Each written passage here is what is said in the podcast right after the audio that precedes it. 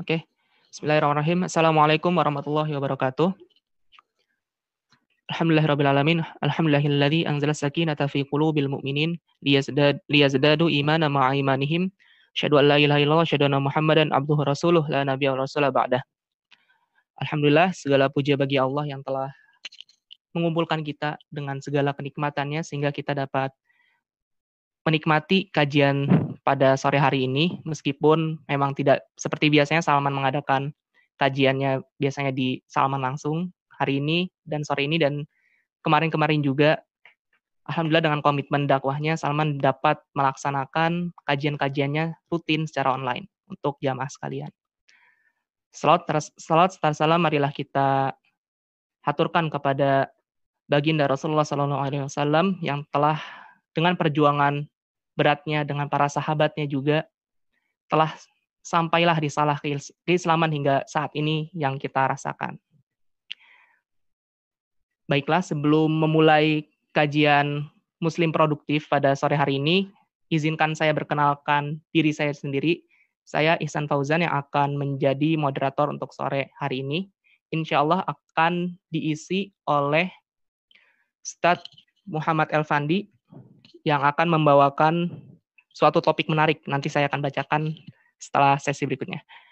Sebelum dimulai, marilah kita baca kantilawah Al-Quran terlebih dahulu.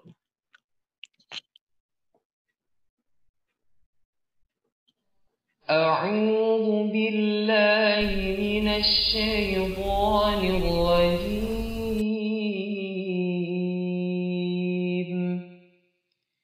بسم الله الرحمن الرحيم.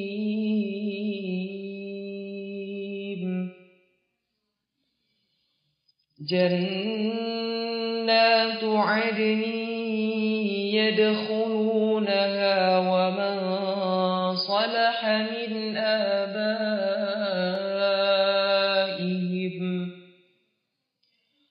ومن صلح من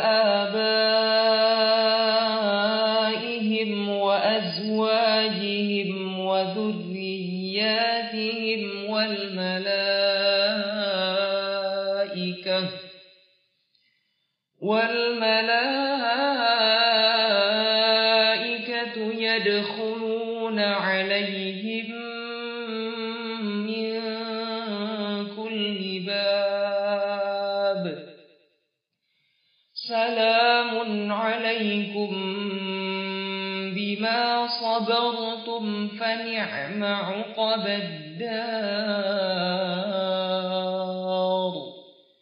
صدق الله العظيم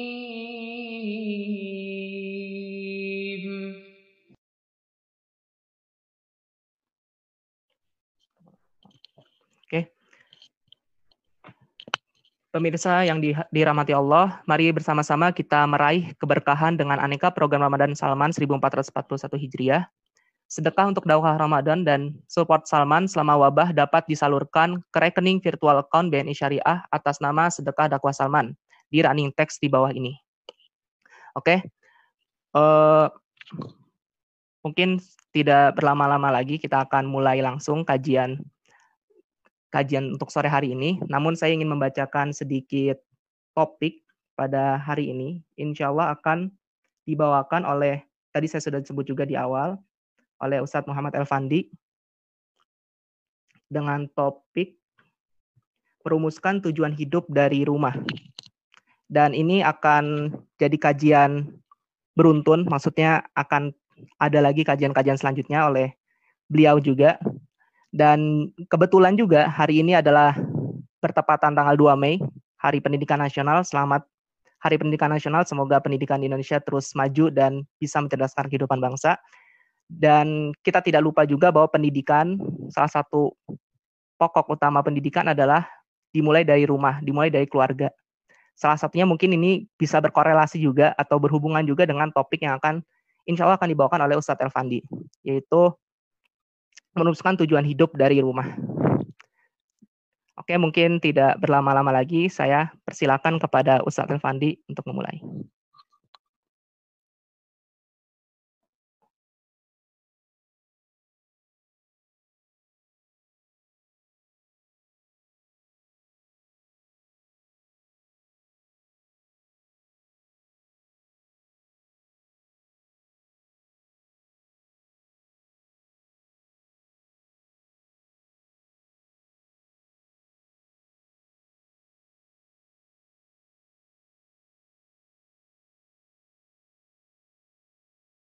Bismillahirrahmanirrahim. Allahumma aftah lana qulubana wa alhimna rusydana wahdina ila siratikal mustaqim. Wahaikum jami'an bi tahiyatil Islam al khalidah. Assalamualaikum warahmatullahi wabarakatuh. Allahumma sholli ala Muhammad wa ala alihi wa ashabi ajmain amma ba'd. Sahabat-sahabat semua, jamaah Masjid Salman dan juga para pendengar, penonton dari berbagai tempat. Alhamdulillah alamin di segala situasi yang terbatas, di semua situasi yang sempit, ternyata anak-anak muda masih bisa menciptakan kesempatan-kesempatan baru. Masjid Salman alhamdulillah dengan para syababnya, dengan para pemudanya, para pengurus, mahasiswa-mahasiswa yang tinggal di asrama menyelenggarakan acara yang menurut saya sangat produktif, yaitu acara tentang kajian rutin setiap pekan yang membahas tentang produktif muslim. Jadi dalam suasana yang serba terbatas pun alhamdulillah kita bisa mengadakan kajian-kajian yang sangat rapi, profesional, ditayangkan melalui live streaming YouTube-nya.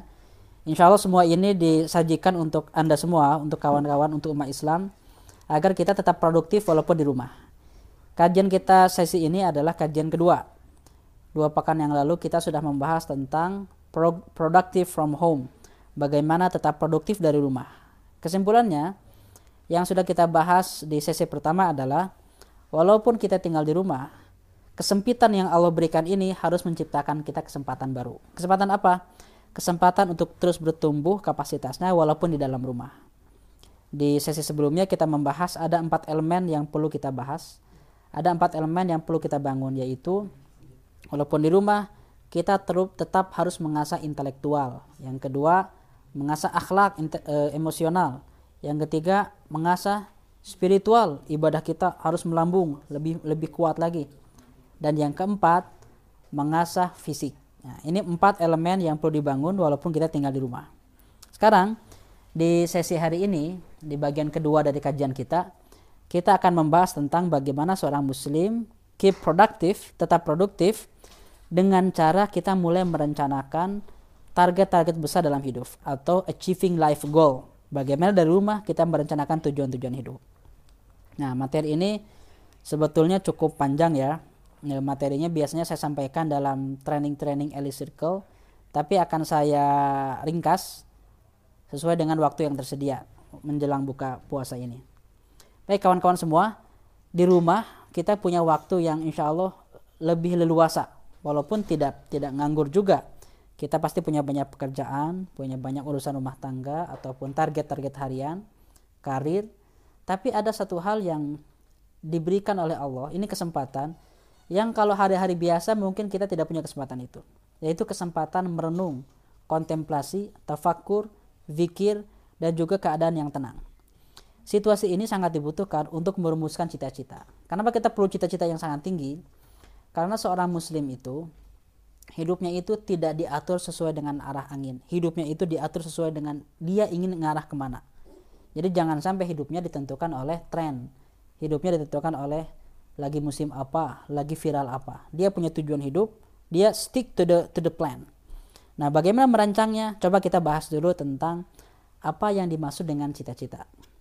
Waktu kita kecil, kita sering ditanya ya oleh guru SD, oleh orang tua atau oleh paman. Kita ditanya, "Nak, kamu kalau udah gede ingin jadi apa?" Suka ditanya, suka ditanya tentang cita-cita. Kira-kira kalau Anda jawab di hati masing-masing, apa jawaban Anda? Yang di sini apa jawaban itu cita-cita itu kecil? Guru, guru. Guru, apalagi? Tentara. Guru, tentara, dokter, apalagi arsitek, astronot itu kan. Presiden. Jarang ada orang yang bilang ingin jadi ketua KPK itu nggak ada itu, konsultan pajak itu nggak ada. Rata-rata ketika kita bilang cita-cita, yang kita sebutkan itu adalah profesi-profesi populer dokter, suster, bidan gitu kan. Itu wajar. Kenapa? Karena waktu kita kecil, gagasan kita itu dipengaruhi oleh orang-orang yang paling dekat. Ibu, bapak, kakek, nenek, paman, bibi, guru sekolah, guru ngaji. Tapi ketika kita mulai masuk SMP, nah udah berubah tuh. Mungkin kita ada yang ingin jadi pemain bola itu kan. Orang Bandung ingin jadi pemain Persib. Walaupun elewai ya atau misalnya orang-orang yang sering lihat YouTube anak-anak sekarang kalau anda tanya ke anak-anak SMP yang sudah pegang gadget cita-citanya sudah berubah. Dia ingin jadi youtuber. Ada yang sudah punya akun Instagram dia ingin menjadi selebgram instagramer gitu kan ingin ingin paid promote nanti dia akan endorse endorse kecap endorse kosmetik gitu kan.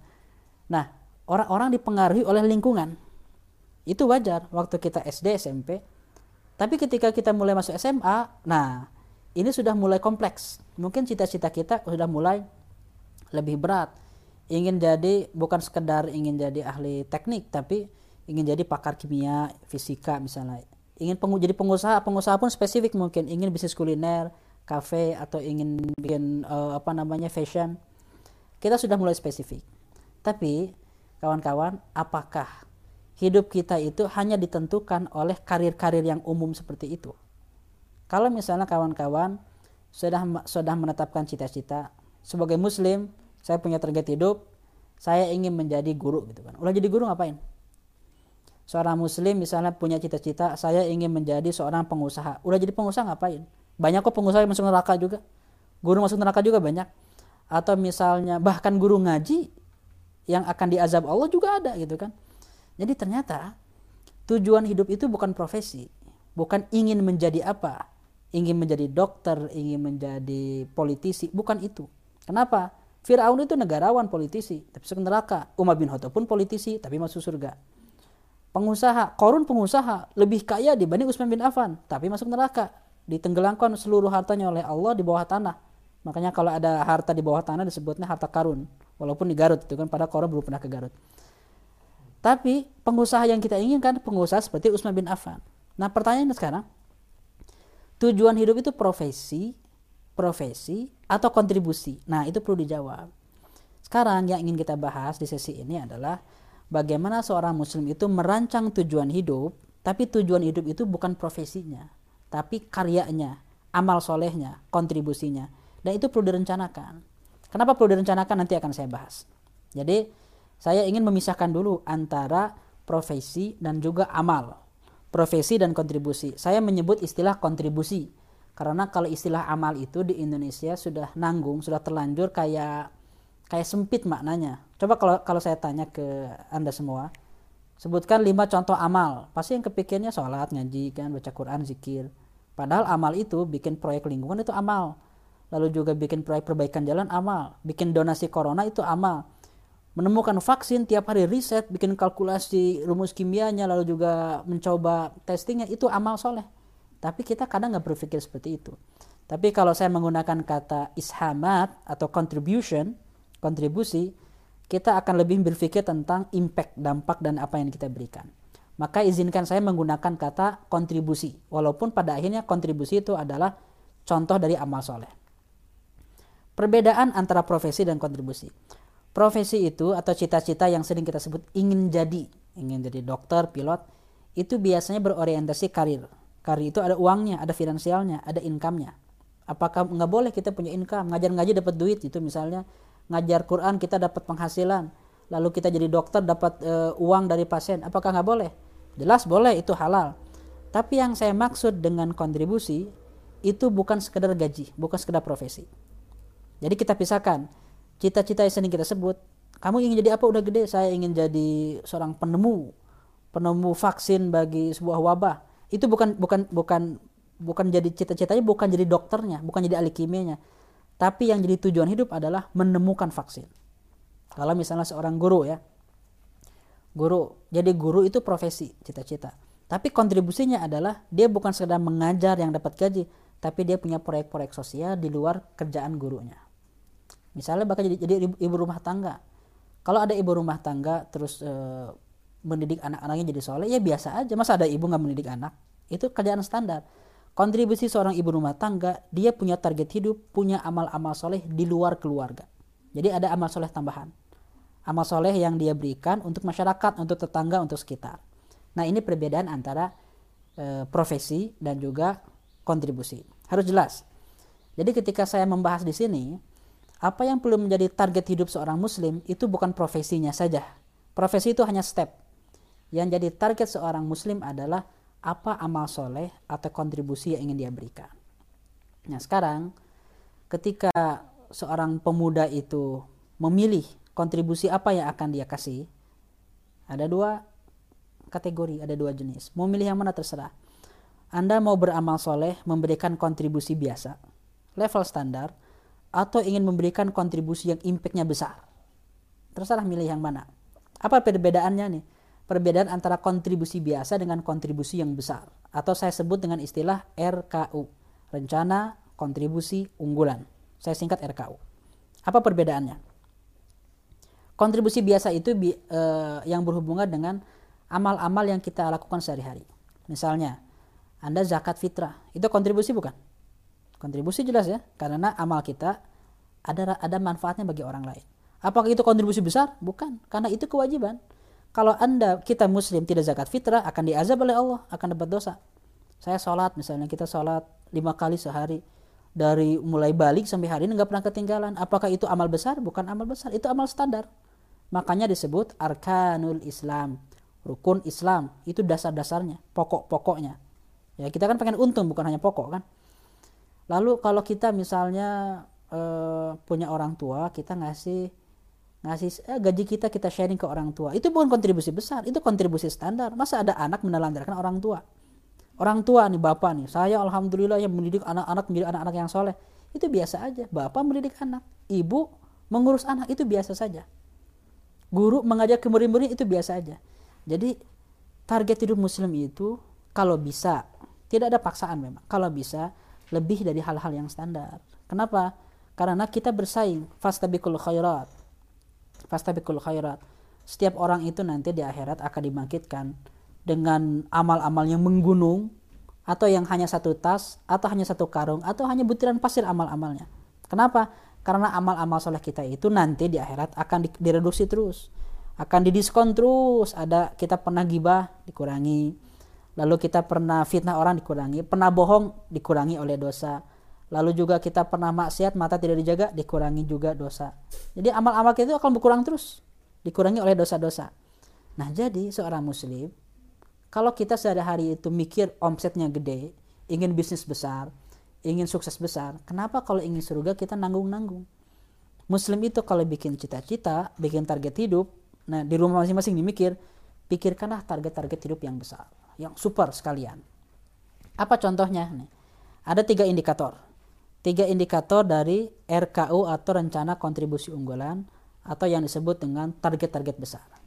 Cita-cita hidup itu kalau bisa pertama, jumlahnya tidak banyak satu tapi target hidup itu menjadi masterpiece of life target hidup yang kita rancang itu menjadi cita menjadi amal eh, amal-amal yang paling besar dalam hidup yang namanya masterpiece jumlahnya satu masterpiece itu tidak dua tidak tiga kalau misalnya ditanya nih anda tahu Leonardo da Vinci apa masterpiece-nya pasti ingat lukisan Mona Lisa Imam Syafi'i apa masterpiece-nya yang paling yang paling agung karyanya Orang-orang yang mengerti usul fikih pasti tahu kitab Ar-Risalah. Karangan Buya Hamka misalnya. Buya Hamka punya buku banyak. Tapi apa karya yang paling fenomenal dari Buya Hamka? Tafsir Al-Azhar. Lalu misalnya B.J. Habibie, banyak karyanya. Karya patennya, tapi yang paling terkenal mungkin pesawat N250. Kalau kita melihat misalnya Imam Bukhari, yang kita kenal adalah Sahih Bukhari, Jami'us Sahih. Padahal karya beliau banyak. Nah itu yang namanya masterpiece. Jadi dalam hidup, setiap pemuda, kalau Anda usianya sekarang 20, 30, milikilah cita-cita, milikilah target hidup. Apa sih amal yang paling besar yang ingin kita ciptakan, yang berimpact bagi umat manusia, bagi umat Islam secara khusus.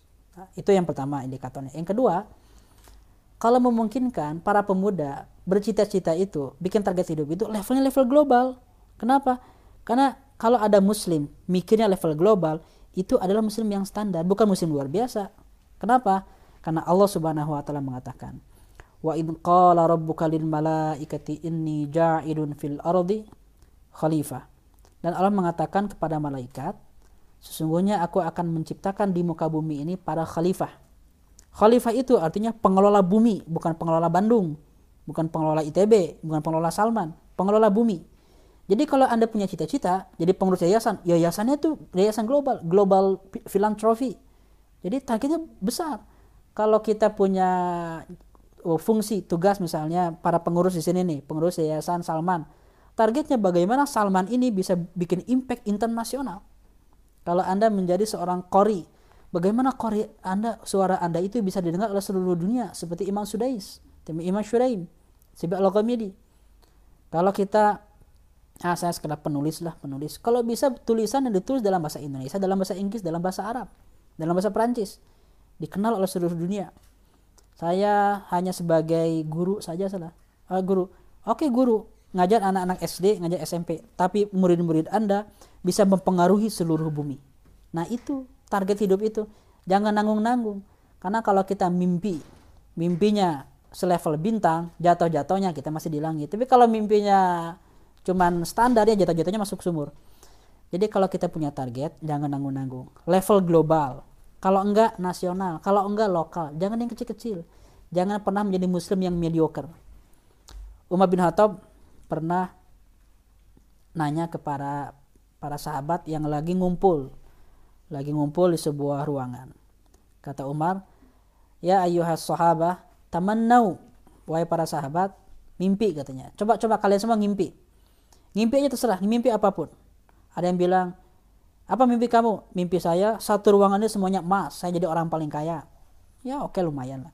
Ada yang mimpi saya ingin menjadi orang yang paling uh, sukses karirnya.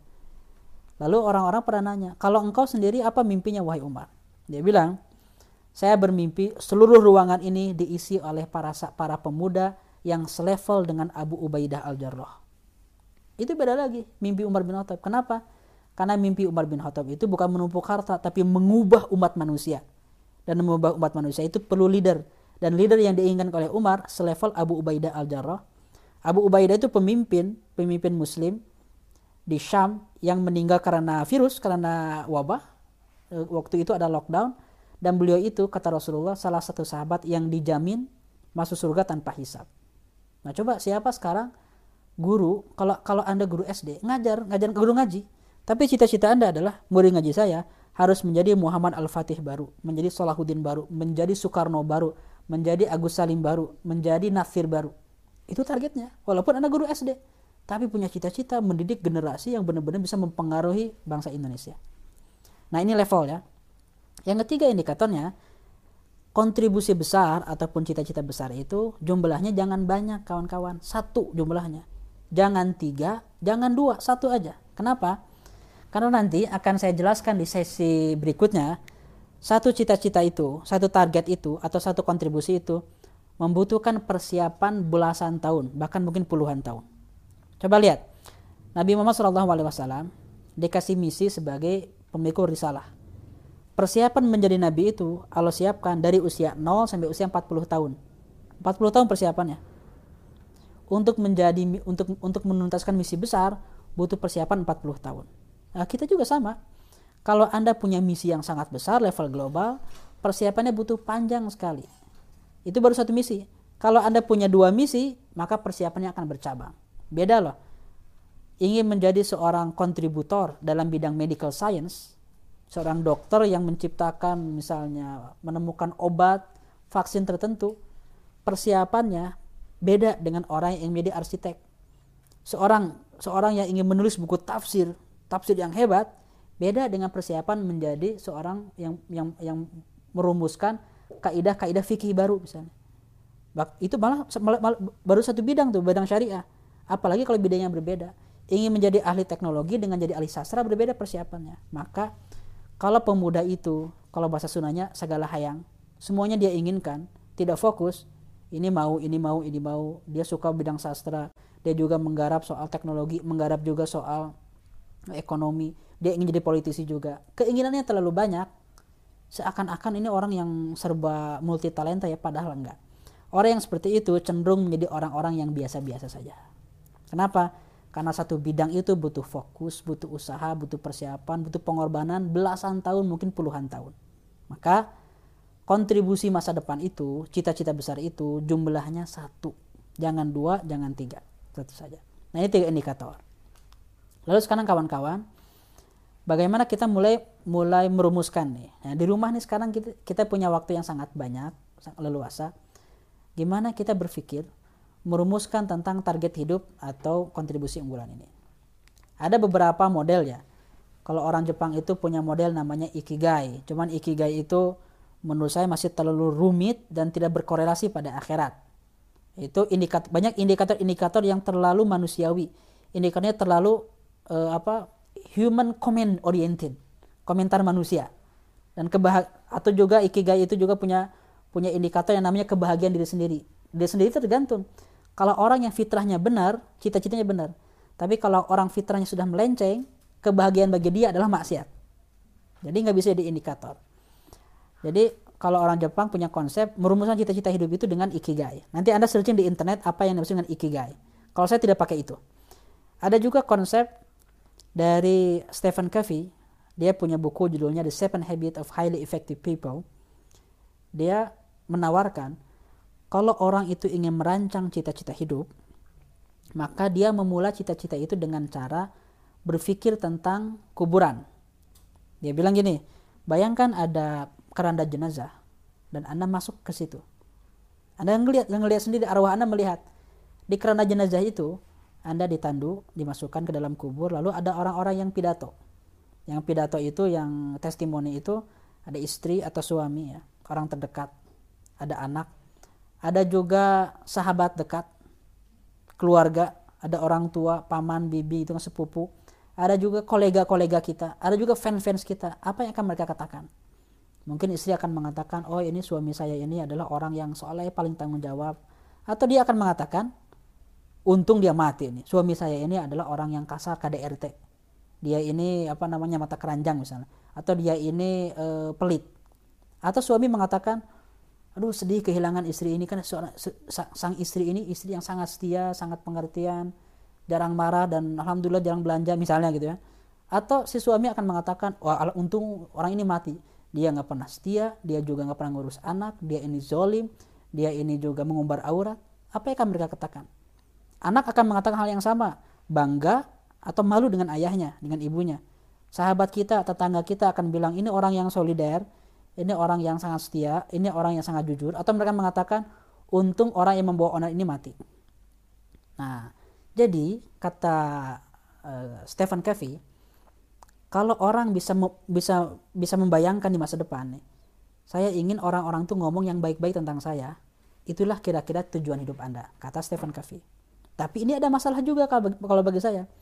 Masalahnya adalah cita-cita kita itu sangat ditentukan oleh komen orang komen netizen yang budiman gitu kan yang penting kata netizen bagus di like gitu kan netizen nggak ada yang benci itu yang kita lakukan itulah yang namanya hidup berdasarkan tren hidup berdasarkan keviralan berdasarkan hashtag, berdasarkan arah zaman, berdasarkan komentar orang. Padahal hidup kita itu di depan Allah akan dihisap satu-satu. Nggak penting komentar orang, ada orang yang di dunia ini nggak terkenal, tapi di akhirat dia paling viral. Lalu apa yang saya tawarkan? Saya menawarkan model memikirkan tentang tujuan masa depan itu yang saya sebut dengan model yaumul hisab.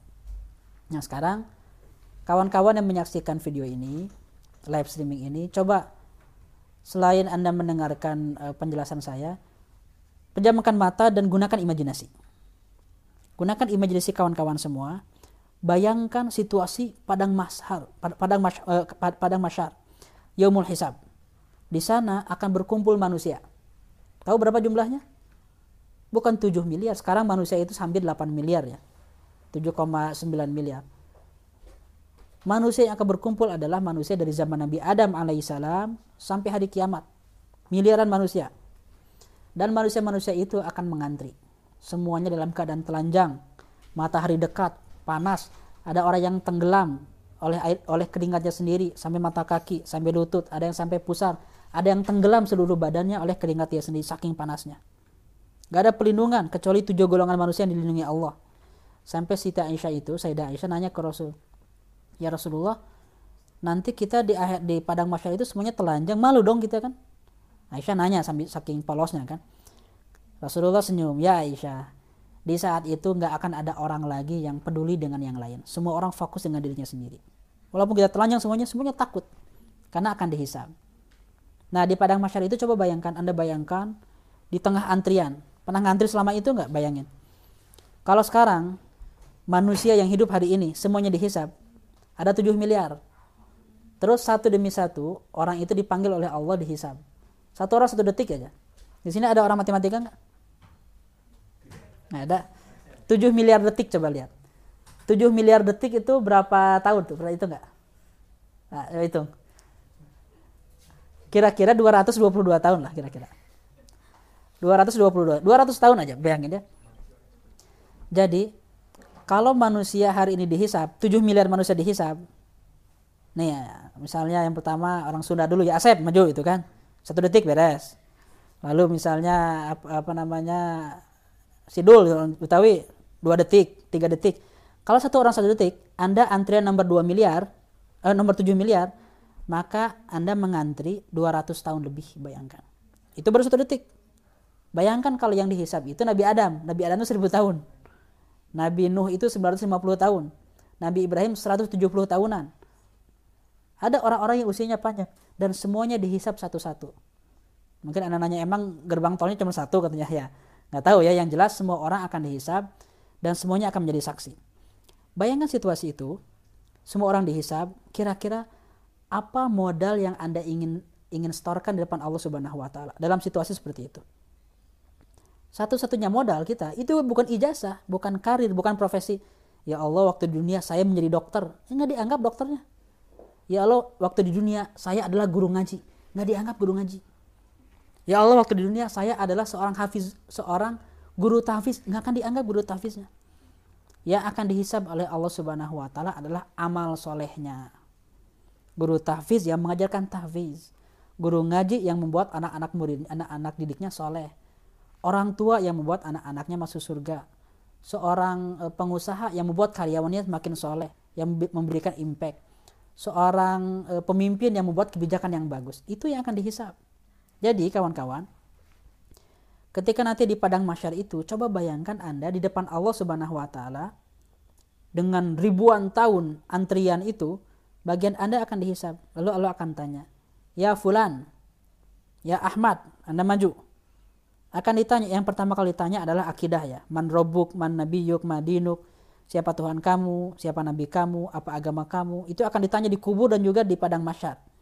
Setelah itu akan ditanya bab kedua. Apa bab kedua? Salat. Bab ketiga zakat, bab keempat puasa, bab kelima haji.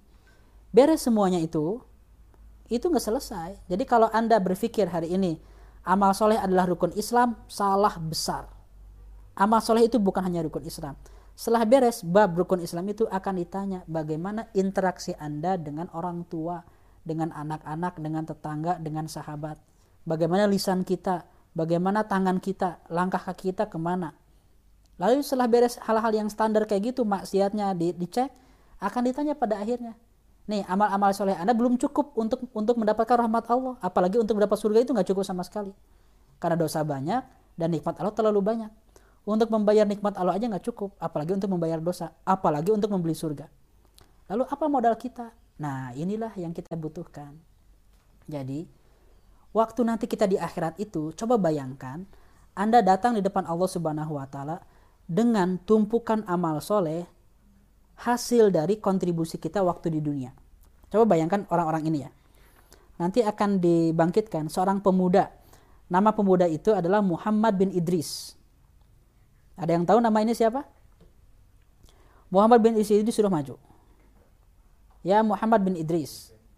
Dia akan ditanya sholatnya beres, akidahnya beres. Tapi ketika pemuda ini ditanya, apa apa amal-amal soleh terbesar kamu? Apa yang akan dijawab oleh pemuda ini? Ada yang tahu? Muhammad bin Idris akan mengatakan, Ya Allah, waktu di dunia, Alhamdulillah saya sempat menulis sebuah buku, karya tulis. Karya tulis inilah yang menjadi panduan umat Islam berabad-abad setelahnya, menjadi ilmu baru yang namanya ilmu usulul fiqhi. Karya inilah yang saya tulis dan menjadi ladang amal soleh saya mudah-mudahan bisa mendapatkan rahmat Allah. Itulah karya yang namanya kitab Ar-Risalah karangan Muhammad bin Idris Asy-Syafi'i. Itu kurang lebih jawaban yang akan diberikan oleh Imam Syafi'i di depan Allah Subhanahu wa taala. Kalau ditanya lagi, Muhammad bin Ismail disuruh maju dihisap oleh Allah, salatnya benar, akidahnya benar, zakatnya benar, infaknya oke. Okay. Tapi apa amal terbesarnya? Beliau akan mengatakan, kontribusi terbesar saya ya Allah waktu di dunia adalah mengumpulkan hadis-hadis dari berbagai negeri dalam satu buku komprehensif ensiklopedi yang namanya Jami'us Sahih kitab Imam Al-Bukhari, Sahih Bukhari. Itulah Muhammad bin Ismail Al-Bukhari. Jadi ulama-ulama besar, para pahlawan itu datang dengan amal-amal yang sebesar gunung. Kenapa sebesar gunung nanti akan saya jelaskan. Ditanya lagi Muhammad Al-Fatih, apa amal soleh kamu waktu di dunia? Dia akan mengatakan, ya Allah, di usia 21 tahun, saya berhasil menaklukkan sebuah kota yang diramalkan oleh Nabi 8 abad sebelum saya sebelum saya lahir. Kota Konstantinopel, yaitu Istanbul. Jadi kalau hari ini ada orang yang sholat, ngaji, puasa di Istanbul sana, seluruh pahalanya akan ditransfer oleh Allah ke Muhammad Al-Fatih. Pahalanya besar. Itulah yang namanya kontribusi kawan-kawan. Nah jadi pertanyaannya, apa jawaban, apa laporan yang akan Anda berikan di depan Allah Subhanahu wa taala? Coba bayangkan, ini menggunakan imajinasi nih. Bukan kalkulasi untung rugi, bukan matematika. Gunakan imajinasi apa yang ingin Anda laporkan di depan Allah. Nah, kalau kalau modelnya kayak gini, kalau cara merumuskan tujuan hidup itu di rumahan anda mikir nanti kalau ditanya gitu kan abi no ngalamun wae lagi ngalamun akhirat gitu. Ini kalau ditanya teh kenapa teh? Ngelamun aja apa lagi patah hati? Bukan lagi memikirkan Allah gitu jawabnya. Jadi di rumah anda berpikir bayangkan situasi situasi anda di depan Allah sebelum tidur pikir di rumah anda akan laporan apa? Kalau gini caranya merumuskan tujuan hidup insya Allah anda itu tidak akan mungkin kepikiran tujuan hidup yang yang yang bersifat maksiat. Atau tujuan hidup yang remeh-temeh. Kan kan gak mungkin ada di depan Allah ya Allah waktu saya di dunia saya berhasil menciptakan game yang paling membuat orang-orang itu habis waktunya. Kan nggak mungkin. Ya Allah saya waktu di dunia saya berhasil mendirikan seribu diskotek. Kan nggak mungkin. Jadi udah pasti rencana hidup anda itu satu levelnya besar. Yang kedua yang sifatnya amal soleh. Itu udah pasti. Kalau anda berpikir tujuan hidup dengan cara seperti ini beda dengan caranya Stephen Covey Caranya Stephen Covey bisa jadi tujuan hidup Anda mulia di mata manusia, tapi maksiat di mata Allah. Atau ikigai orang Jepang bisa jadi dihargai oleh manusia, tapi di depan Allah nggak ada nilainya. Bukan berarti itu salah, tapi itu sebagai sebagai tambahan saja. Itu nggak cukup. Anda harus berpikir tentang akhirat, bukan hanya tentang komentar manusia. Apalagi netizen yang yang luar biasa ya. Nah, kawan-kawan semua, sekarang Bagaimana sih sekarang ketika kita mulai mulai merumuskan, kita sudah mengimajinasikan di depan Allah ingin ingin melaporkan amal-amal yang besar. Sekarang amal apa? Kontribusi apa yang perlu kita bidik? Nah, ada sebuah hadis yang diriwayatkan oleh Imam Tirmidzi. Rasulullah SAW mengatakan, "Man sanna fil Islami sunnatan hasanah." Siapa yang memberikan contoh baik dalam Islam, kanat lahu ajruha maka dapat pahala. Beramal soleh dapat pahala dong, udah jelas itu. Tapi nggak hanya di situ. Dia akan dapat pahala juga wa ajru man amila biha min ba'dihi bi ghairi an yunqas min ujurihim syai. Dia juga ada, akan dapat pahala dari semua orang yang mengikuti amal-amal soleh dia. Ini inilah yang namanya duplikasi pahala atau matematika amal soleh. Satu tambah satu, dua, tambah lagi jadi empat, jadi delapan, jadi enam belas, jadi tiga dua terus. Jadi mengikuti deret deret uh, hitung bukan uh, apa namanya? bukan deret ukur. Nah, jadi amal soleh yang kita berikan itu akan berlipat ganda terus. Kenapa?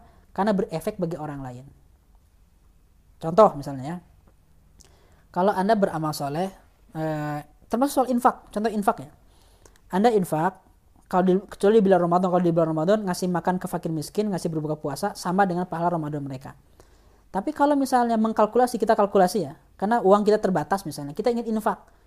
Infak memberikan sembako ke orang-orang yang tidak terlalu butuh misalnya. Tidak terlalu kelaparan. Dengan infak yang bisa menjadikan orang-orang itu pintar, mencetak para ulama, lebih lebih besar mana pahalanya. Yang kedua, kenapa? Ketika makanan ini dimakan selesai, pahalanya selesai tapi ketika ilmu ini terus mengalir menjadikan para, menjadikan para hafiz Quran ini mengajar beramal soleh, maka pahalanya akan terus mengalir ke kita walaupun amal solehnya udah berhenti. Jadi dalam amal soleh itu ada level-levelnya. Ada pahala-pahala yang selesai saat itu juga, ada pahala yang mengalir terus. Pahala yang mengalir terus itulah yang disebut dengan al-a'mal al-jariyah atau amal jariyah. Nah jadi kawan-kawan semua, ketika kita membidik amal-amal soleh, membidik kontribusi-kontribusi unggulan, kontribusi yang besar, bidiklah kontribusi-kontribusi yang berefek terus bagi orang lain, bukan sekali aja efeknya, tapi terus berpengaruh bagi orang lain.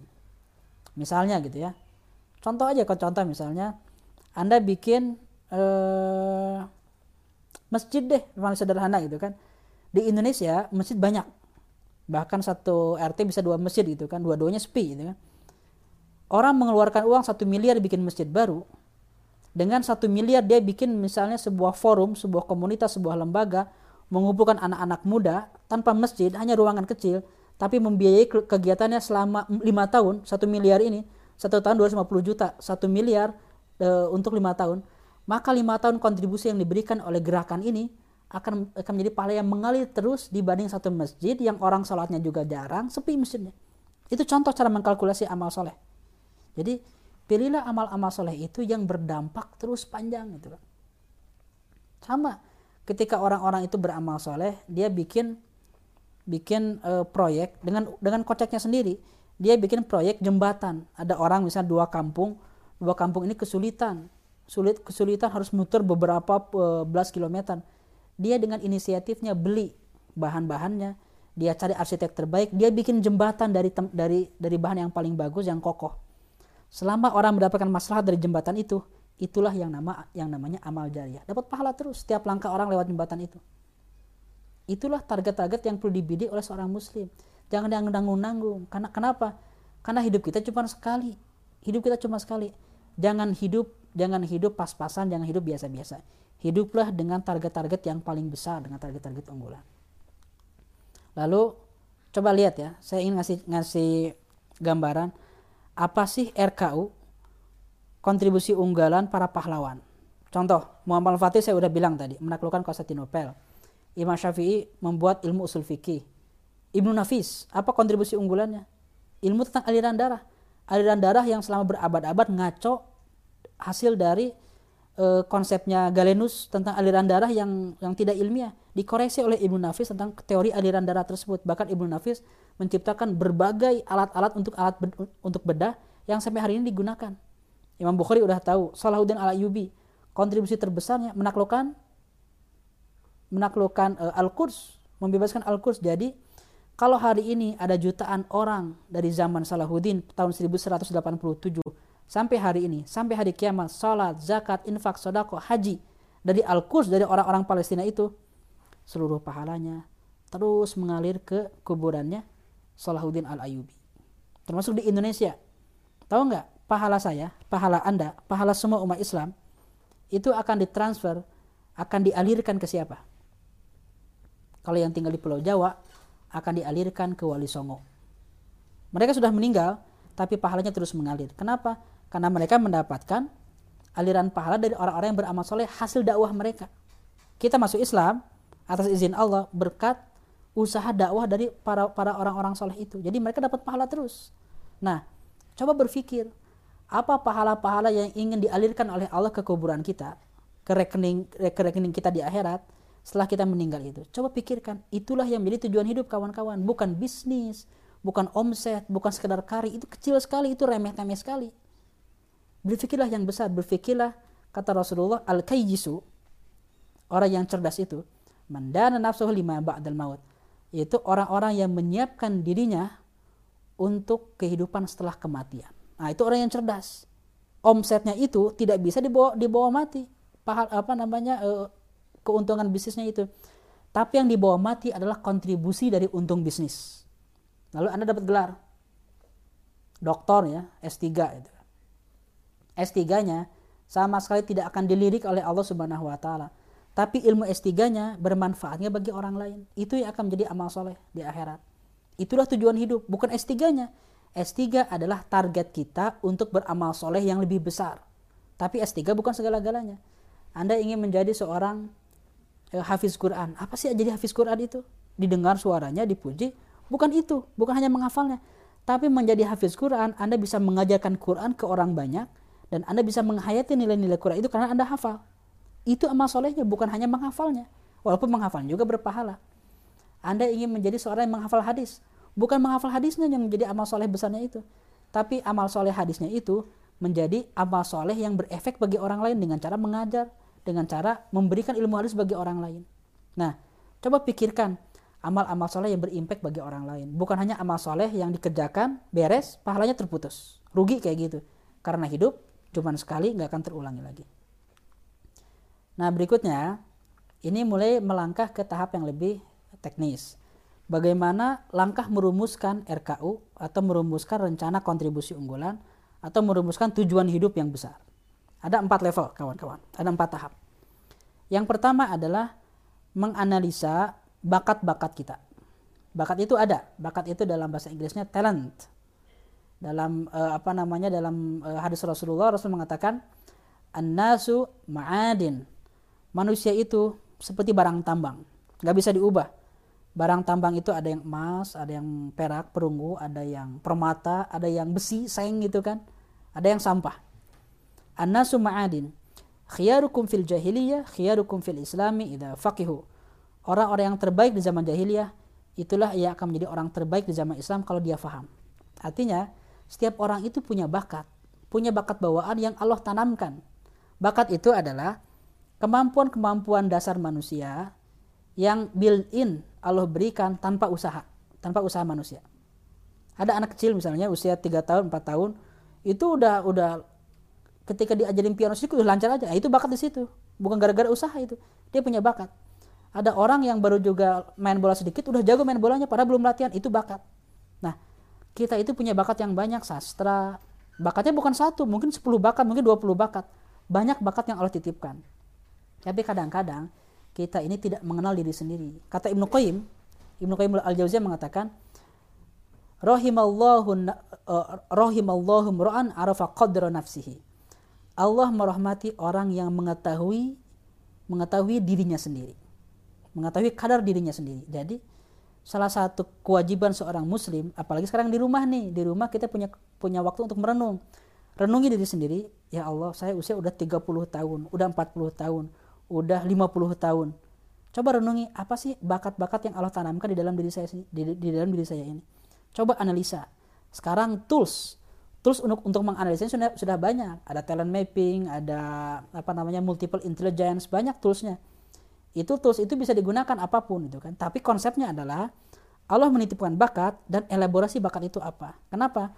Karena bakat itu kalau nggak kita gunakan mubadir. Allah sudah memberikan nikmat, Thummalatus alunna yauma idin anin naim. Allah akan bertanya, ke mana nikmat yang sudah aku, berikan itu? Kamu pakai atau enggak? Nah jadi di antara semua kontribusi yang ada terlalu banyak. Pilihlah satu kontribusi, seleksilah kontribusi itu sesuai dengan bakat yang kita punya. Jangan sampai kita memilih bidang-bidang yang pada dasarnya kita itu nggak berbakat. Nggak berbakat. Kenapa? Karena lebih lama sampainya dibanding kalau kita punya bakat. Mungkin Anda nanya, Kang sekarang kan kata para trainer yang penting itu usaha usaha usaha bisa gitu kan bakat gak penting. Ah itu palsu kayak gitu. Saya, saya ingin ngasih tahu. Itu adalah itu pernyataan yang terlalu berlebihan. Bakat itu ada kawan-kawan.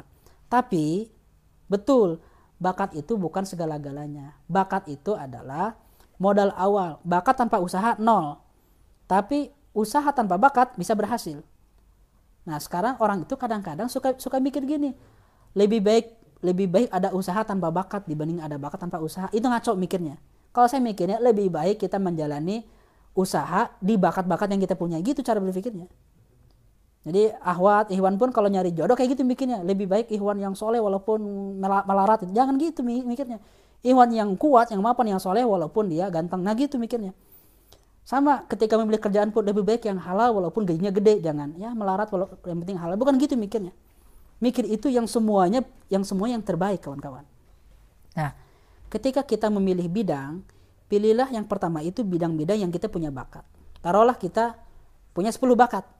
Setelah kita mengidentifikasi, konsultasi ke mentor, konsultasi ke psikolog, atau menggunakan training-training pengembangan diri, kita mengidentifikasi ada 10 talent, 10 bakat. Apakah semuanya kita garap? Enggak. Masuk ke level kedua. Level kedua setelah kita identifikasi bakat adalah identifikasi minat. Apa sih usaha yang ingin kita kerahkan itu? Tidak semua bakat perlu kita kembangkan. Seleksi lagi. Untuk memilih tujuan hidup yang besar di masa depan, pilihlah bidang-bidang yang kita itu sangat berminat dan kita punya effort, punya usaha di situ. Nah, dari 10 bakat itu diseleksi lagi. Bakat-bakat yang kita tidak tidak punya minat, itu buang aja. Kenapa? Karena hidup harus fokus, saya bilang tadi. Kalau semuanya kita garap, nggak akan ada yang jadi. Kita perlu memilih bidang-bidang dan meninggalkan yang lain. Misalnya kita punya bakat musik, punya bakat biola, punya bakat olahraga sepak bola basket. Kita punya bakat nyanyi kita punya bakat kiroah juga. Kita punya bakat kimia juga punya bakat uh, fisiknya ten kayak tentara gitu kan. Jangan semuanya digarap. Pilih pilih bakat-bakat ini yang kita paling suka paling minat.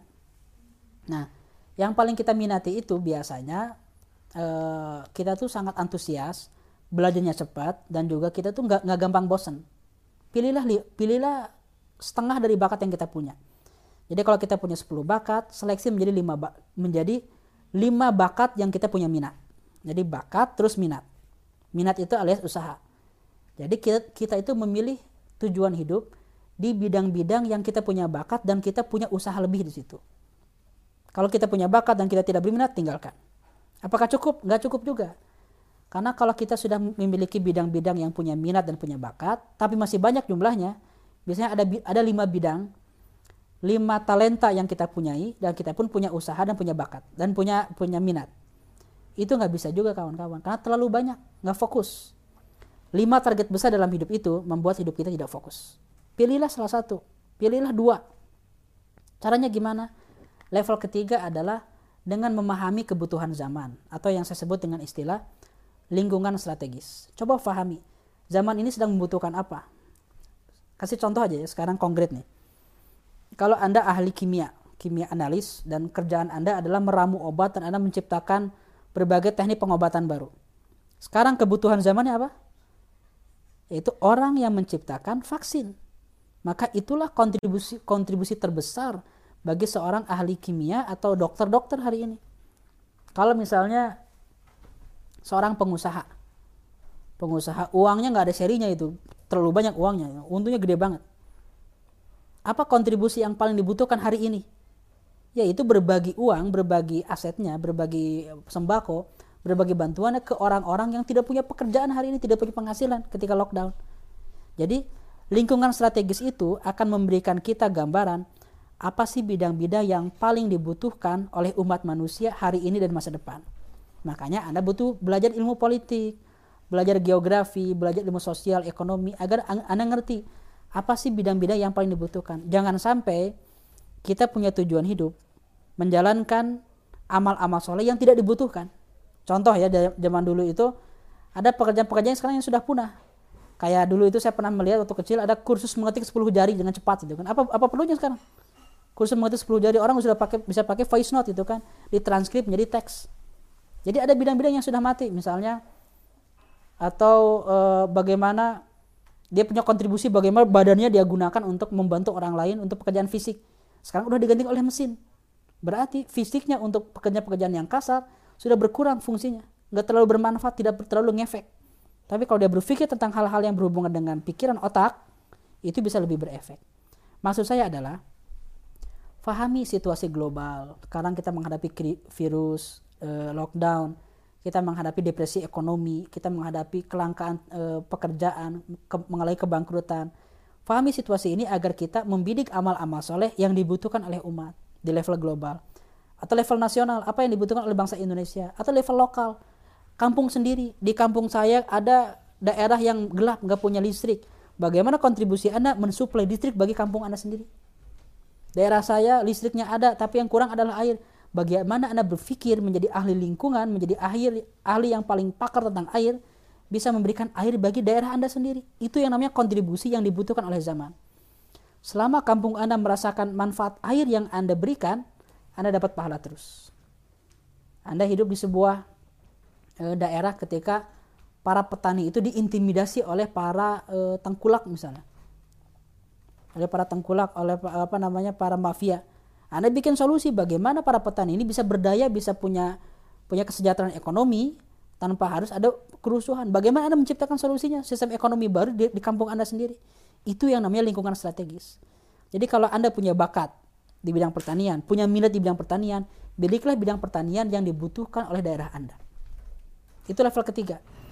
Fahamilah ilmu politik, fahamilah situasi, baca berita, baca eh, apa namanya informasi agar Anda melaksanakan bidang-bidang membidik tujuan-tujuan yang memang dibutuhkan oleh umat manusia. Jangan sampai Anda pintar, cerdas, Anda punya prestasi, anda paling pakar di bidangnya, tapi bidang tersebut sangat tidak dibutuhkan dan tidak ada efeknya bagi umat manusia. Nggak ada efeknya. Saya paling jago misalnya, eh, Anda paling jago menciptakan robot untuk pemuas nafsu, ya itu nggak dibutuhkan kan? Malah menjadi maksiat. Paling jago melukis melukis gambar-gambar erotik misalnya. Paling jago untuk melukis itu, itu bakatnya di situ, minatnya di situ, tapi tidak menjadi kontribusi unggulan di akhirat. Karena amal-amal amal-amalnya tidak dibutuhkan oleh Allah Subhanahu wa taala. Tidak dibutuhkan untuk mendapatkan rahmat Allah Subhanahu wa taala. Jadi pilihlah bidiklah amal-amal yang memang kita punya bakat, punya minat dan di situ paling dibutuhkan. Jadi dari dari 10 bakat diseleksi menjadi 5 minat. 5 minat dan bakat. Dari 5 minat bakat itu misalnya kita seleksi lagi menjadi tiga bidang atau dua bidang kita punya minat, punya bakat dan situ dibutuhkan. Apakah cukup? Enggak. Enggak. Karena kalau kita punya tiga bidang, bahkan dua bidang yang ingin kita bidik, dua bidang itu masih terlalu banyak. Fokuskan pada satu bidang saja. Agar apa? Agar karya kita di bidang tersebut itu levelnya paling tinggi tidak tersaingi. Bukan berarti kita tidak punya skill di bidang yang lain enggak. Cuman fokus kita dalam hidup itu satu, jangan dua. Lihat, Muhammad Al-Fatih fokusnya satu, Imam Bukhari fokusnya satu. Imam Bukhari kalau anda kalau anda tanya, ditanya Imam Bukhari ahli apa di sini? Tahu nggak ahli, ahli apa? Ada hadis? Sepakat semuanya? Kok nggak ada yang bilang ahli tafsir? Padahal beliau beliau pakar tafsir juga. Beliau mengerti fikih juga. Beliau mengerti ilmu bahasa Arab. Beliau mengerti sastra Arab. Kenapa tidak ada yang menyebutkan ahli sastra? Karena beliau fokus. Yang dikenal oleh orang lain beliau adalah ahli hadis. Walaupun beliau punya ilmu yang banyak. Muhammad Al-Fatih. Ada nggak yang yang tahu bahwa Muhammad Al-Fatih itu ahli bahasa, poliglot? Nih orang-orang yang sekarang jadi guru bahasa, apa berapa berapa banyak bahasa yang mereka kuasai? Paling juga bahasa Inggris, bahasa Indonesia dan bahasa Sunda dan bahasa tubuh gitu kan. Muhammad Al-Fatih bisa bahasa Yunani, bisa bahasa Romawi, bisa bahasa Persia, bisa bahasa Ibrani, bisa bahasa Arab, bisa bahasa Turki, bisa bahasa Rusia, ada yang bilang 7 sampai 9 bahasa Muhammad Al-Fatih itu. Tapi itu bukan fokus hidupnya. Dia tidak jadi setelah punya bahasa itu kursus bahasa asing dengan Ustadz Muhammad Al-Fatih dijamin dua minggu selesai gitu. Enggak. Muhammad Al-Fatih jago sastra juga. Muhammad Al-Fatih juga ilmu agamanya tinggi. Tapi tidak menjadi guru agama. Kenapa? Karena dia fokus hidupnya untuk menaklukkan Konstantinopel. Sama yang lain juga para ulama-ulama ulama-ulama besar itu mereka punya spesialisasi walaupun ilmunya multidimensi multidisiplin nah jadi kawan-kawan semua kita sekarang perlu eksis memiliki ilmu seperti huruf T kita punya wawasan T itu kan ada garis yang e, horizontal kita punya wawasan di berbagai disiplin tapi kita punya spesialisasi yang sangat pakar dan sangat diandalkan terakhir kawan-kawan kalau kita memiliki tiga bidang pilihan tujuan hidup. Masih masih bercabang juga. Pada akhirnya yang terakhir adalah Anda istikharah. Minta taufik Robbani. Minta petunjuk dari Allah Subhanahu wa taala dengan cara istikharah berdoa, "Ya Allah, ini ada tiga bidang. Ada dua bidang yang saya punya bakat, saya punya minat dan saya pun tahu bahwa ini dibutuhkan oleh umat Islam, oleh umat manusia. Bidang apa yang perlu saya pilih? Nah, serahkan ke Allah Subhanahu wa taala biarkan Allah Subhanahu wa taala membimbing kita melalui mimpi, melalui kemantapan hati dengan cara istikharah. Lakukan istikharah berkali-kali sebulan, dua bulan, setahun agar kita mantap. Sekalinya kita mantap, ingat RKU tujuan hidup itu bukan untuk 10 tahun, 20 tahun, untuk seumur hidup. Jadi, sekalinya Anda sekarang usia 25 tahun, 30 tahun, sekalinya Anda punya RKU, faidah azam tak fatawakal Allah. Jangan ubah lagi seumur hidup. Agar apa? agar yang Anda bangun dari detik ini sampai masa depan fokus ke satu arah. Karena kalau Anda punya RKU, ingin menjadi seorang penemu, menemukan sebuah vaksin, Anda bersiap-siap bertahun-tahun untuk menjadi ahli ini, lalu setelah 10 tahun Anda pindah lagi ingin menjadi kuliner yang bikin uh, restoran seblak se-Indonesia, itu beda jalurnya kawan-kawan. Ingin menjadi pengusaha seperti geprek bensu, dengan menjadi seorang penemu vaksin, itu beda jalurnya Jangan sampai sudah lima tahun dijalani akhirnya pindah jalur. Rugi kayak gitu, rugi waktu. Apakah tidak boleh? Boleh-boleh aja, cuman Anda rugi waktu. Lebih baik dari sekarang fokus, faidah azamta, fatawakal Allah. Kalau Anda sudah bertekad, tawakal kepada Allah jangan, jangan ubah-ubah lagi. Fokus dalam hidup Anda. Nah inilah kawan-kawan, di rumah ini adalah waktu yang tepat untuk merenung. Renungi padang masyar, renungi akhirat, dan tentukanlah apa laporan yang ingin Anda berikan di depan Allah Subhanahu wa taala. Nama Anda disebut. Wahai Abdullah, maju ke depan. Dihisap semua amal-amal Anda dan pada akhirnya Anda akan mengatakan, "Ya Allah, waktu saya di dunia, saya sempat mengerjakan amal-amal ini dan amal-amal ini berimpact bagi seluruh umat manusia, berabad-abad setelahnya pun masih tetap kerasa pengaruhnya." dan itulah harapan kita untuk memelas rahmat Allah Subhanahu wa taala agar kita bisa masuk surga. Wallahu a'lam bishawab. Assalamualaikum warahmatullahi wabarakatuh. Waalaikumsalam warahmatullahi wabarakatuh. Ya, jazakallah khairan Ustadz Elfandi atas pemaparannya cukup inspiratif sekali, cukup uh, menggugah hati saya juga. Saya jadi teringat masa-masa waktu SMA. Saya waktu itu waktu itu man saya di Madrasah Aliyah Negeri dan cukup apa ya? Saya dikasih tugas juga Ustadz waktu itu pernah bikin live live map gitu, peta hidup, tujuan 70 tahun hidup waktu itu ininya. Dan itu pertama kali saya mencoba berpikir jauh bagaimana dan memang masa-masa kontemplasi itu sulit bahkan sampai sekarang pun saya juga masih merencanakan peta-peta hidup itu tapi tadi juga pemaparan dari Ustadz saya cukup istilahnya tergugah lah untuk membuat peta hidup itu kembali merencanakan secara strategis dan teknisnya kembali untuk ke depannya seperti apa. Dan mungkin buat kawan-kawan teman-teman dan seluruh uh, pemirsa semuanya yang menyaksikan live streaming ini juga bisa tergugah juga hatinya. Dan sikapnya akhirnya masa-masa pandemi ini bukan hanya jadi suatu uh, musibah saja tapi juga bisa memberikan anugerah-anugerah yang mungkin kita tidak tahu. Ada hikmah-hikmah yang disembunyikan Allah di masa-masa pandemi ini. Mungkin sebelum masuk sesi selanjutnya saya ingin mengingatkan bahwa dalam masa PSBB ini Masjid Salman ITB juga menghimpun dana untuk penyaluran APD bagi tim medis COVID-19 serta sembako untuk keluarga yang rentan ekonominya. Lewat donasi yang dapat disalurkan ke rekening atas nama Yayasan Rumah Amal Salman di rekening di planning text di bawah ini. Oke. Untuk selanjutnya akan masuk sesi tanya jawab, Ustaz. Mangga, Sebentar. Saya buka dulu pertanyaannya. Oke. Ada pertanyaan dari YouTube dari akun Between Us. Assalamualaikum Ustadz. Mau bertanya, bagaimana cara menyikapi diri sendiri yang masih belum terbayang apa cita-cita hidup bahkan tujuan hidup kita apa? Mangga Ustadz jawab. Ya, mendengarkan kajian ini dan mulai aksi gitu aja. Jadi yang perlu Anda lakukan pertama, merenung bakat saya apa.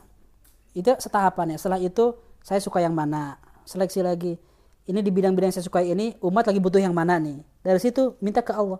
Setelah anda punya mulai mulai di, dijalani. Tapi memang materi kita kali ini belum selesai karena ini belum belum belum final. Ini perlu dilanjutkan dengan materi berikutnya. Setelah punya tujuan besar anda perlu perlu merencanakan bagaimana mencapai tujuan itu. Dan itu perlu satu jam setengah lagi materinya. Oke, baik Ustadz. Jadi kesimpulannya stay tune buat kajian selanjutnya ya, ya Ustadz. Ya, ya, ya. Oke, siap. Dan pertanyaan berikutnya dari Mas Firman Islami dari Cimahi. Assalamualaikum Ustadz. Bagaimana cara menentukan lahan kontribusi kita jika kita tipe orang yang berkontribusi di lahan yang terlalu banyak? Hingga kita sendiri bingung menentukan mana yang menjadi RUK kita. RKU, sorry. Hmm. RKU kita. Nah, itu kawan-kawan makanya tadi saya bilang proses-proses e, empat langkah itu itu perlu dijalani. Begitu Anda itu punya minat yang banyak, ini ada ada jebakan nih. Orang yang punya potensi, orang yang multi talenta. Kalau Anda termasuk orang yang multi talenta, Anda orang yang yang berisiko untuk tidak fokus. Dan pada akhirnya nggak ada yang jadi. Orang multi talenta itu hebat, segala bisa, tapi jebakannya adalah karena segala bisa, semuanya digarap dan nggak ada yang jadi. Kenapa? Setiap bidang itu butuh butuh pengorbanan yang panjang. Karena semuanya itu dikit-dikit pengorbanannya nggak ada yang jadi kawan-kawan. Jadi multi talenta itu apa namanya godaannya adalah semuanya ingin digarap dan Anda perlu punya keberanian untuk memilih satu bidang dan meninggalkan yang lain. Nah, itu butuh keberanian. Kenapa? Karena Anda akan punya perasaan gini, aduh greget ini saya itu bisa ngerjain ini. Kalau saya kerjain pasti beres. Cuman Anda harus harus rela bahwa ini memang bukan tujuan, bukan fokus hidup saya. Saya akan fokus pada yang ini. Gitu. Jadi harus punya keberanian untuk memilih satu dan meninggalkan yang lain. Itu untuk tujuan hidup ya. Buat jodoh juga sama gitu kan. Ada banyak kandidat, tinggalkan yang lain, satu aja fokus gitu. Itu. Silakan ada yang lain. Oke Ustadz, makasih atas jawabannya. Uh, pertanyaan ketiga dari Bunda Kenny dari Lembang. Assalamualaikum Ustadz. Jika kita menjalani profesi kita karena materi, bukan semata-mata karena beriman kepada Allah, misalnya bekerja untuk mencari nafkah keluarga, tujuan utamanya untuk memperoleh materi dan mencapai keluarga yang berkecukupan. Berkecukupan. Apakah itu boleh? Boleh, boleh. Jadi mencari nafkah, mencari uang, kerja demi dapat untung. Eh, Nabi Muhammad ketika dagang pengen untung nggak? Ya pengen untung lah. Tapi caranya berkah, caranya itu halal. Jadi yang kalau untuk karir, yang penting itu caranya halal, caranya berkah, caranya baik-baik. Niat kita untuk dapat uang nih ngajar nih, ya, ngajar nih. Jangankan dagang ya, ngajar. Anda ngajar fikih. Kenapa ngajar fikih? Biasa dapat uang, dapat gaji karena saya butuh menghidupi keluarga itu boleh. Yang tidak boleh adalah Anda hanya mendapatkan uang tapi tidak punya niat amal soleh dan tidak punya kontribusi setelah itu. Itu yang nggak boleh. Gitu. Jadi jangan sampai berpikir yang namanya muslim yang ikhlas itu segalanya gratis bukan gratis. Harus profesional. Apa bedanya mengajar psikologi, mengajar biologi, mengajar kimia dengan mengajar tafsir? Apa bedanya? Sama. Orang butuh belajar, butuh persiapan, butuh kuliah bertahun-tahun, dan yang disampaikan juga butuh waktu satu jam, dua jam, itu sama profesional. Yang salah adalah ketika orang ngajar dapat duit, setelah itu Anda tidak punya kontribusi yang lain, itu yang salah. Jadi, kalau Anda mengajar, bekerja profesor dapat uang, itu benar, nafkah, dan itu halal, dan itu amal soleh juga. Cuman itu kontribusinya apa? Kontribusi unggul atau biasa? Kontribusi biasa. Muslim jangan hanya melaksanakan amal-amal rutinitas kontribusi biasa. Di luar kontribusi biasa ini, Anda harus punya target yang besar yang namanya kontribusi unggulan. Dan kontribusi unggulan itu ukurannya bukan materi, bukan untung, bukan timbal balik, tapi kontribusi unggulan itu adalah impact murni, kontribusi yang ingin kita berikan bagi orang lain. Tapi biasanya gini kawan-kawan. Kalau Anda ini ikhlas, kalau kita ikhlas, benar-benar berdakwah untuk Allah Subhanahu wa taala, biasanya Allah akan meninggikan posisi kita di dunia ini, tidak hanya di akhirat. Biasanya kita akan terkenal, biasanya kita akan kaya, biasanya kita akan jaya, biasanya kita akan kuat. Biasanya kayak gitu, tapi tidak selalu ya ada nabi-nabi yang yang miskin, ada nabi-nabi juga yang menderita. Tapi umumnya, lihat siapa yang paling terkenal di dunia ini? Yang paling terkenal itu bukan Justin Bieber. Yang paling terkenal itu adalah nabi-nabi. Lihat, nabi-nabi, Nabi Nuh, Noah, apa Nabi Ibrahim, Abraham, seluruh negara, seluruh peradaban punya nama nabi. Jadi manusia yang paling terkenal justru para nabi, orang yang paling soleh. Itu menjelaskan bahwa keterkenalan itu tidak identik dengan ketidakikhlasan. Orang yang paling ikhlas justru menjadi orang yang paling terkenal kadang-kadang gitu kan. Orang yang paling khusyuk justru orang-orang yang paling terkenal gitu kan. Jadi bukan itu indikatornya. Indikatornya adalah itu dijalani tapi hati kita punya niat memberikan amal soleh yang besar demi mendapat surga. Gitu. Oke. Terima kasih Ustaz atas jawabannya. Selanjutnya ada pertanyaan keempat dari Mas Noval dari Bogor Assalamualaikum Ustadz, bagaimana cara kita senantiasa meluruskan niat dalam menjalani pekerjaan atau profesi kita? Karena terkadang ada saja unsur duniawi yang terlibat bahkan mendominasi dalam niatan kita. Terima kasih. Kata Abu Bakar As-Siddiq, uh, apa, ya Rasulullah, kalau aku bersama engkau, kadang-kadang iman saya itu tinggi dan jauh berpikir tentang akhirat surga. Begitu pulang ke keluarga, saya lupa. Al-imanu, kata para ulama, yazidu wa yankus. Iman itu bertambah dan berkurang. Di sela-sela amal, kita akan masuk ke pikiran-pikiran syaitan, waswas syaitan, minal jinnati wan nas. Waduh, keren juga ya gue ya orang-orang pada terkesima gini. Waduh, infak saya gede banget ya orang-orang jadi jadi terbantu. Waduh, apa karya saya ini paling hebat ya. Di awal-awal mungkin kita ikhlas, punya doa, membaca doa. Di tengah-tengah ada waswas syaitan. Itu wajar. Yang penting itu kita memulai diawali dengan bismillah, diawali selalu dengan doa, diakhiri dengan doa, dan di tengah-tengah selalu di, selalu dibaring dengan zikir. Makanya dalam Islam semua pekerjaan kita itu dalam sehari misalnya kalau kita punya amal punya amal sehari minimal lima kali Allah ingatkan dengan stopan dengan dengan apa uh, dengan uh, stop point yaitu sholat sholat subuh sholat zuhur sholat asar sholat maghrib sholat isya. Lima waktu ini didesain sedemikian rupa oleh Allah Subhanahu Wa Taala agar tidak ada satu hari full tanpa kita ingat tanpa kita ingat dengan Allah Subhanahu Wa Taala. Jadi di sela-sela amal inilah waktu yang paling waktu yang paling pas untuk mereview lagi niat-niat kita ketika sholat. Itu paling minimal. Ketika kita kerja. Bisa jadi kita kerja sehari-hari bisnis itu dari pagi sampai sore ingatnya duit terus. Tidak berpikir, tidak berpikir Allah subhanahu wa taala. Saat sholat duha saat sholat zuhur saat sholat asar itulah kita merenungi diri sendiri. Makanya setelah sholat kita bilang astagfirullahaladzim astagfirullahaladzim astagfirullahaladzim padahal kita nggak bikin dosa kan? Udah sholat kita bilang astagfirullah itu artinya setelah kita sholat, kita mengevaluasi keseluruhan hidup kita dari mulai subuh sampai zuhur. Ketika sholat asar, kita mengevaluasi semua niat-niat kita dari zuhur sampai uh, asar. Begitupun maghrib kayak gitu. Jadi sholat itu adalah terminal jeda-jeda agar kita merefresh lagi niat-niat kita. Di atas sholat, ada lagi di atas sholat, zikir setiap saat. Di atas sholat itu. Itu lebih tinggi lagi. Kenapa? Karena sholat itu pada pada akhirnya zikir, mengingat Allah. Tapi kalau kita zikirnya tidak harus dalam sholat, itu lebih lebih keren lagi. Saat sholat, saat kita e, ngaji, saat kita di depan laptop, ketika kita bikin riset, makanya orang yang selalu ingat Allah itu itulah level tertinggi. Setelah iman, Islam, yaitu ihsan, yaitu merasakan Allah melihat dia. Jadi itu perlu diperbaharui terus niatnya ya. Diawali dengan doa, diakhiri dengan doa, di tengah-tengahnya selalu mengingat Allah Subhanahu wa taala untuk meminimalisir e, godaan setan. Tapi catatan terakhirnya, jangan sampai Anda meninggalkan amal gara-gara takut nggak ikhlas. Karena kata para ulama, tarkul amal uh, tarkul amal li ajlin nas hiya huwa ainur riya. Meninggal, meninggalkan amal soleh gara-gara takut dianggap ria, ah itulah ria yang sejati kata para ulama. Jadi lebih baik beramal ada riaknya dibanding tidak beramal gara-gara takut ria. Yang idealnya jelas beramal dan tidak punya ria.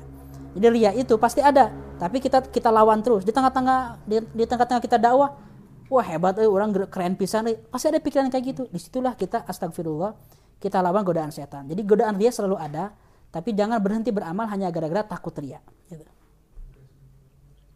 Oke, terima kasih Ustadz atas jawabannya. Selanjutnya ada pertanyaan dari Teh Erina. Assalamualaikum Ustadz. Di masa sekarang ini cukup sulit menentukan apakah kontribusi yang kita lakukan merupakan kontribusi unggulan. Zaman dulu kan misal ada Imam Syafi'i, bisa memberikan kontribusi unggulan yang begitu luas yang berdampak luas. Sedangkan masa sekarang ini terlalu banyak kontribusi yang dianggap sudah unggul menurut diri kita sendiri padahal lebih banyak orang yang melakukan kontribusi yang lebih baik. Nah bagaimana kita mengetahui bahwa kontribusi kita adalah benar kontribusi unggulan ya Rasul mengatakan kullun muyassirun lima khuliqalah setiap orang itu dimudahkan, akan dimudahkan sesuai dengan tujuan dia diciptakan. Setiap orang itu punya levelnya masing-masing.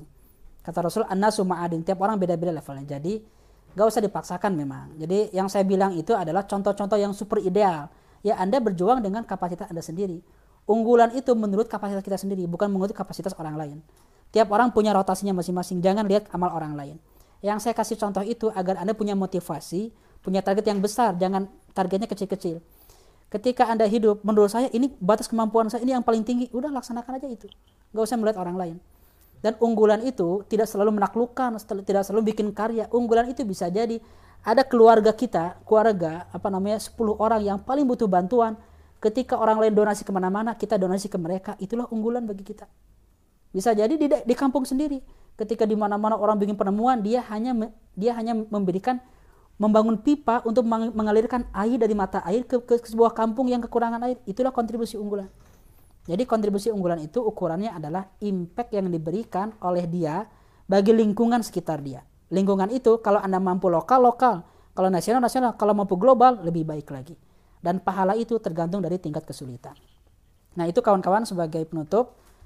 Uh, nanti insya Allah kajian ini akan terus berlanjut dan minggu ini insya Allah akan minggu depan akan saya publish saya akan bikin kajian melalui muda community kajian elite circle online.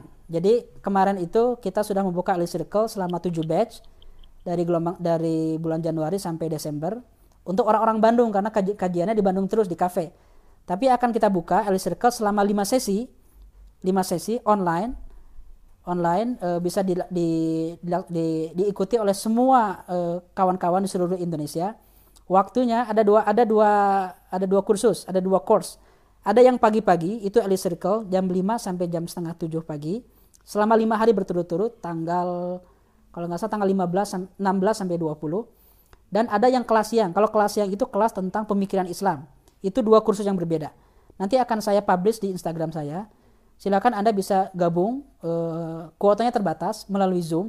Anda bisa gabung di mana pun bisa gabung ke situ dan nanti begitu sudah uh, penuh kuotanya ditutup dan ini kesempatannya dibuka ketika lockdown ini. Begitu nanti sudah lock, sudah selesai lockdown, Circle hanya dilaksanakan melalui uh, pertemuan langsung lagi. Jadi ini kesempatan bagi kawan-kawan kalau ingin gabung, Anda akan mendapatkan materi yang seperti ini tapi lebih komprehensif, lebih lengkap dengan silabus yang yang uh, apa namanya yang utuh. Walau alam isab aku qouli hadza wa astaghfirullah li wa lakum. Assalamualaikum warahmatullahi wabarakatuh. Waalaikumsalam warahmatullahi wabarakatuh. Ya, jazakallahu khair Ustaz Pandi atas pemaparan materinya dan jawaban-jawaban atas pertanyaannya cukup inspiratif sekali dan cukup menggugah hati saya juga. Sebagaimana tadi saya juga sudah sebut, Mungkin kita sudah sampai di penghujung tadi. kegiatan pada sore hari ini. Se- sebelum saya tutup, saya ingin menginfokan bahwa siaran ini terselenggara atas dukungan berbagai pihak sponsor. Mari dukung kampanye follow for donate dari Badan Wakaf Salman dengan memfollow akun Instagram @wakafsalman.itb. Jamaah telah mampu berdonasi senilai Rp5.000 bagi pengadaan APD. Jamaah yang telah mampu berdonasi senilai Rp5.000 bagi pengadaan APD untuk tenaga medis melalui Jabar Quick Respon, mitra resmi Lembaga Sosial Pikobar. Untuk donasi dapat disampaikan melalui rekening di running text di bawah ini. Mungkin sekian dari saya untuk sore hari ini. Terima kasih untuk seluruh pemirsa yang telah menyaksikan dari awal atau mungkin bergabung di tengah-tengah hingga akhir ini, hingga penghujung acara ini. Marilah kita do kita tutup dengan doa kafaratul majlis. Subhanakallahumma wa bihamdika asyhadu an la ilaha illa anta astaghfiruka wa atubu. Kurang lebihnya mohon maaf. Saya mohon undur diri. Assalamualaikum warahmatullahi wabarakatuh.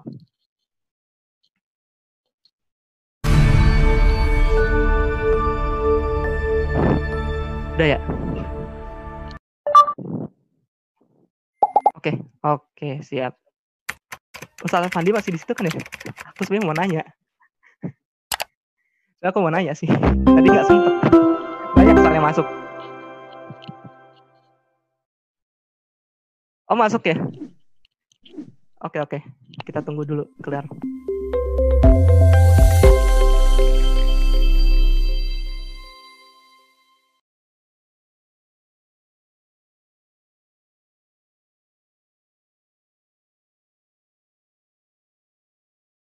Manfaat di mana di sini kami ingin tetap bisa memberikan manfaat sebesar-besarnya. Walaupun kita tidak bisa bertatap muka seperti tahun-tahun sebelumnya.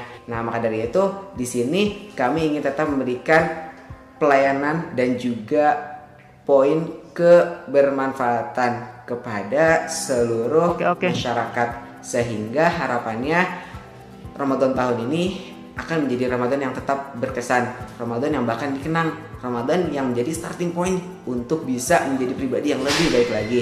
Nah, maka dari itu, mari kita bersama-sama suasanakan, nuansakan, ramaikan Ramadan tahun ini. Kita sambut bulan suci yang mulia, yang mana Allah telah menurunkan Al-Quran di dalamnya, yang mana begitu banyak pintu kebaikan yang telah dibukakan untuk kita, sehingga kita bisa merasakan bagaimana nikmatnya berbagi kebaikan, bagaimana kita bisa secara utuh menjadi satu tubuh sebagai muslim maupun mungkin kita bisa memberikan manfaat kepada yang non muslim sekalipun.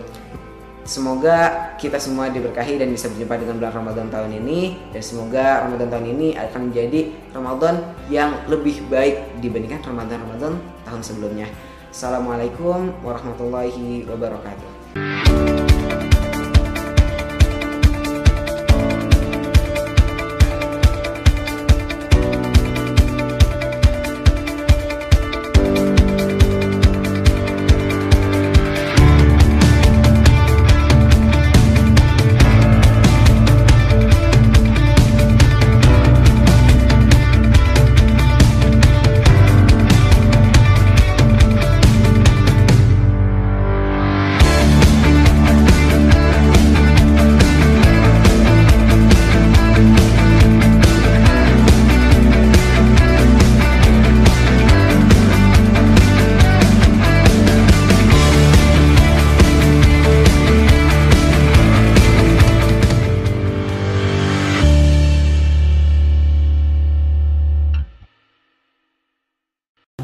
Assalamualaikum warahmatullahi wabarakatuh.